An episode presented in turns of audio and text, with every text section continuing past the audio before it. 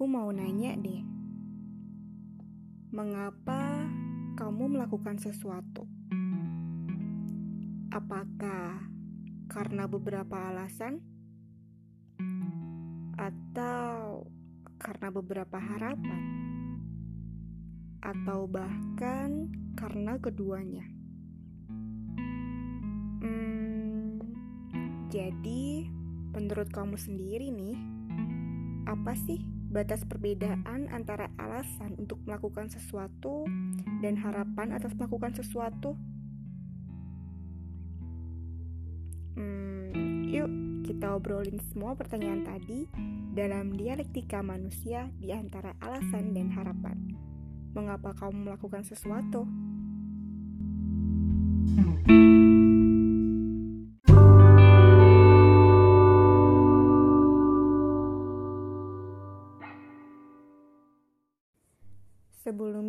terima kasih banyak untuk teman-teman yang udah bersedia diskusi sama aku via WhatsApp kemarin malam. Tanggapan yang masuk pun ada banyak banget sampai akhirnya menghasilkan suatu kesimpulan. Dari hasil diskusi itu, alasan disimpulkan sebagai sesuatu yang udah ada gitu atau udah terjadi dan bisa kita sebut sebagai pengalaman manusia. Dengan alasan, kita akan melakukan suatu proses nih untuk menuju ke sebuah tujuan. Sedangkan harapan itu disimpulkan sebagai sesuatu yang diinginkan tetapi belum terjadi atau bisa kita sebut dengan tujuan. Dengan harapan ini, kita mendapatkan suatu hasil akhir dari apa-apa yang udah kita usahain. Nah, sebagian teman-teman beranggapan kalau dalam melakukan suatu hal, alasan dan harapan ini akan selalu berjalan beriringan karena keduanya itu ada hubungan sebab akibat. Nah, sebagian lain juga berpendapat lebih baik melakukan suatu hal itu karena alasan aja gitu, biar kita ngerasa enjoy ngelakuinnya dan sekalian kita belajar ikhlas. Gitu. Karena gak mau juga terlalu berharap kan, nanti sakit hati sendiri kalau hasilnya gak sesuai sama apa yang kita mau. Toh juga, terlalu berharap itu bisa bikin kita cemas, tegang, dan juga ngerasa takut. Intinya sih, tercapainya harapan itu jadi bonus dari apa yang telah kita usahain dengan sebaik-baiknya. Nah, diskusi kemarin diakhiri dengan quotes dari salah satu teman aku. Dia bilang, alasan dan harapan itu selalu beriringan, tapi harapan gak pernah ada kalau tanpa alasan. Oke, okay, itu adalah hasil diskusi aku dan teman-teman tentang alasan dan harapan. So, gimana nih kalau alasan dan harapan ini dipandang dari perspektif psikologi?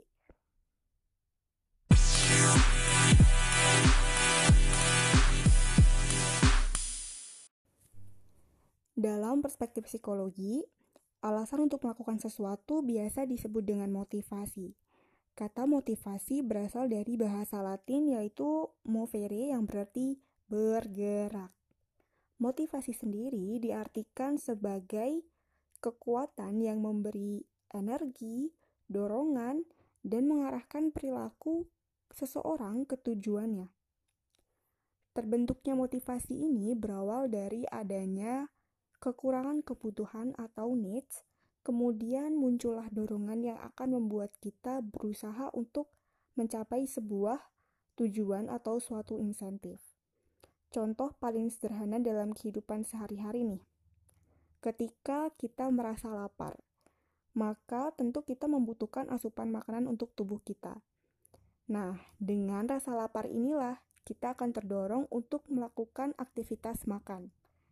Kemudian setelah makan, kita akan merasa kenyang dan punya cukup energi untuk beraktivitas. Rasa kenyang dan energi inilah yang bisa disebut dengan tujuan atau insentif. Hmm, secara umum, ada dua macam motivasi. Yang pertama itu ada motivasi ekstrinsik, yang berarti motivasi yang berasal dari luar seseorang. Misalnya pujian, penghargaan, atau hadiah dari orang lain. Yang kedua, ada motivasi intrinsik yang berarti sebaliknya. Motivasi yang berasal dari dalam diri seseorang. Misalnya rasa suka, bahagia gitu, perasaan puas, perasaan enjoy gitu, menikmati ketika melakukan suatu hal. Sedangkan harapan dalam perspektif psikologi disebut dengan hope. Nah, harapan ini akan dipelajari lebih lanjut di aliran psikologi positif. Harapan sendiri diartikan sebagai suatu keadaan mental positif yang didasarkan pada hubungan yang interaktif antara energi yang mengarah pada tujuan dan rencana untuk mencapai tujuan. Nah, setelah kita tahu tentang definisi motivasi dan harapan dalam perspektif psikologi, bisa kita pahami bahwa motivasi dan harapan itu akan selalu ada dalam proses hidup manusia. Karena keduanya akan berujung pada suatu tujuan. Motivasi merupakan awal dari proses, sedangkan harapan merupakan akhir dari proses. Lalu, apa nih yang menjembatani motivasi dan harapan?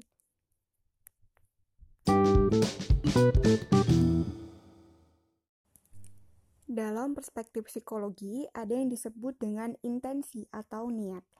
Intensi menunjukkan seberapa besar sih kemauan kita untuk berusaha melakukan sesuatu atau untuk mencapai sebuah tujuan.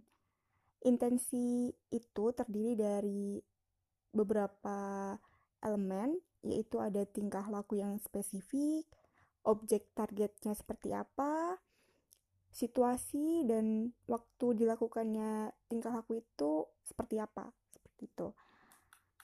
Contoh sederhana nih misalnya hmm, sebagai seorang muslim yang beriman kita kan tentunya melaksanakan ibadah sholat ya.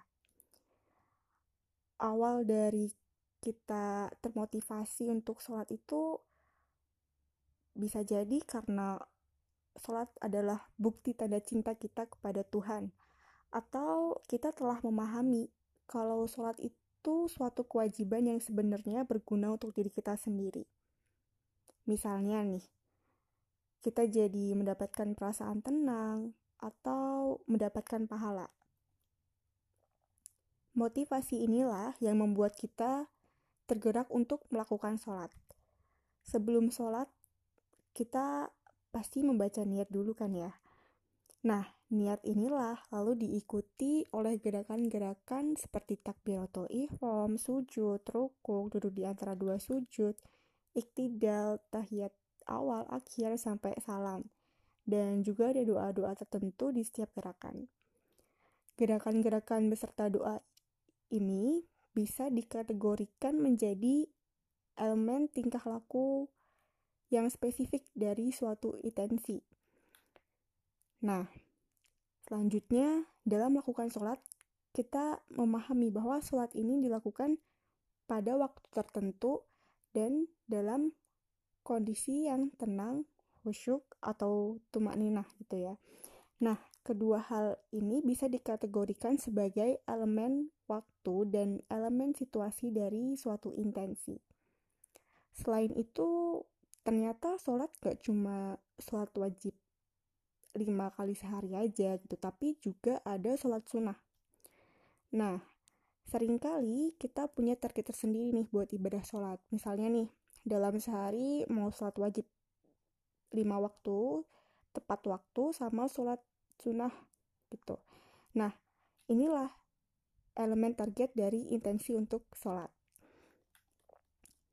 Nah sholat ini kan kita nggak cuma melakukan sekali sehari gitu ya dalam hidup kita.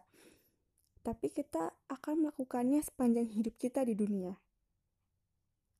Harapan inilah yang bisa menjaga konsistensi dari sholat ini. Kita berharap kalau sholatnya rajin, nanti Tuhan atau Allah gitu ya, bakal memberikan kita ridho gitu. Dan juga sholat ini bisa jadi amalan utama untuk bekal kita masuk surga atau hidup kita jadi dijauhkan dari perbuatan keji dan mungkar. Nah, dari contoh ini, ternyata kita melihat bahwa antara motivasi, intensi, dan harapan saling berkaitan juga. Oke. Okay. Ada hal menarik nih dari motivasi.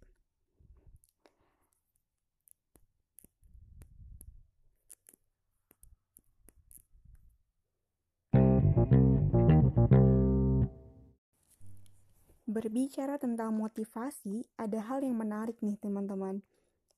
Ingat nggak pas kita SD diminta bantu nyapu nih misalnya. Setelah nyapu, nanti bakal dapat jajanan. Bayangin deh, kalau pas kita udah kuliah sekarang, apakah jajanan itu akan tetap memotivasi kita untuk menyapu? Hmm, tentunya sih enggak ya karena kita pengen yang lebih gitu kan ya insentifnya oke dari hal ini menunjukkan gitu kalau ternyata semakin kita beranjak dewasa maka bentuk motivasi akan semakin kompleks dan lebih didominasi pada motivasi intrinsik untuk mencapai tujuan. Kok gitu sih? Iya, karena ada peningkatan perkembangan yang meliputi perkembangan kognitif, emosi, dan juga moral yang semakin kompleks gitu. Dan ada juga peningkatan tingkat kebutuhan. Nah, jadi kalau di psikologi itu ada teori Maslow. Ada lima hierarki kebutuhan. Yang paling dasar ada fisiologis, rasa aman, kasih sayang, penghargaan, dan yang paling tertinggi ini adalah aktualisasi diri.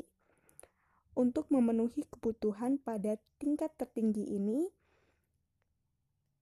nah biar kita tergerak atau termotivasi, pasti akan diawali dengan pertanyaan, peran apa sih yang bisa aku mainkan di dunia ini? Atau apa sih bagian dari diriku ini yang bisa aku kontribusikan untuk dunia? Dan jawaban dari pertanyaan itu akan mengarah kepada the big reason of your life. Alasan terbesar mengapa kamu hidup di dunia ini. So, di episode selanjutnya, aku akan bercerita tentang refleksi the big reason of my life. Oke, okay, thank you so much buat hari ini, and see you in the next episode.